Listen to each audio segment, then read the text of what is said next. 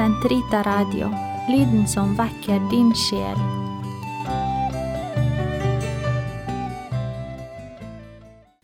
Den katolske kirkes katekisme, uke 37, fredag 2263-2267.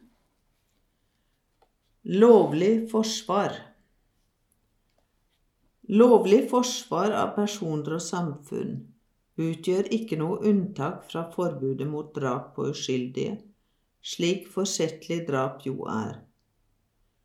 Selvforsvar kan føre to ting med seg. Det ene er å bevare sitt eget liv, det andre angriperens død. Bare det ene er villet, det andre ikke. Kjærlighet til seg selv er et moralsk grunnprinsipp. Det er derfor lov å hevde sin egen rett til å leve. Den som forsvarer sitt eget liv, gjør seg ikke skyldig i drap, selv om han er tvunget til å påføre angriperen banesår. Det er ikke lov å øve større vold enn nødvendig for å forsvare seg. Men dersom man tilbakeviser volden med måtehold, er det tillatt, og det er ikke nødvendig til frelse at man avstår fra slik måteholden forsvar for å unngå å drepe den andre, for man har større plikt til å våke over eget liv enn over andres. Det kan skje at lovlig forsvar ikke bare er en rett, men en alvorlig plikt for den som har ansvar for andres liv for familiens eller statens felles beste.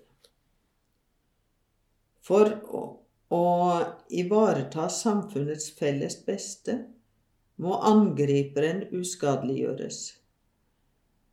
Slik har det seg at Kirkens tradisjonelle lære har anerkjent at lovlig offentlig myndighet har en velbegrunnet rett til å ilegge straffer i samsvar med forbrytelsens alvor uten å utelukke dødsstraff i særlig alvorlige tilfeller.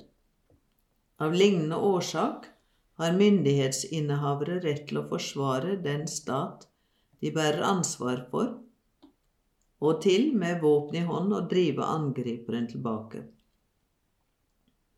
Den fremste virkning av straff er å godtgjøre for den uorden forbrytelsen har ført til.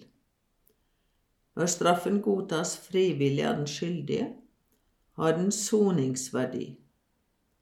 Dessuten er straff til følge at den offentlige orden bevares og enkeltpersoners trygghet sikres.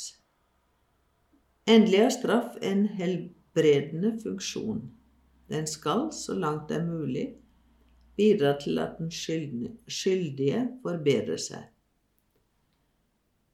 Dersom ublodige midler er tilstrekkelig til å forsvare menneskeliv mot en angriper og å forsvare den offentlige orden og enkeltpersoners trygghet, skal myndighetene nøye seg med slike, fordi de svarer bedre til de konkrete betingelser for det felles beste og er mer i samsvar med menneskeverdet.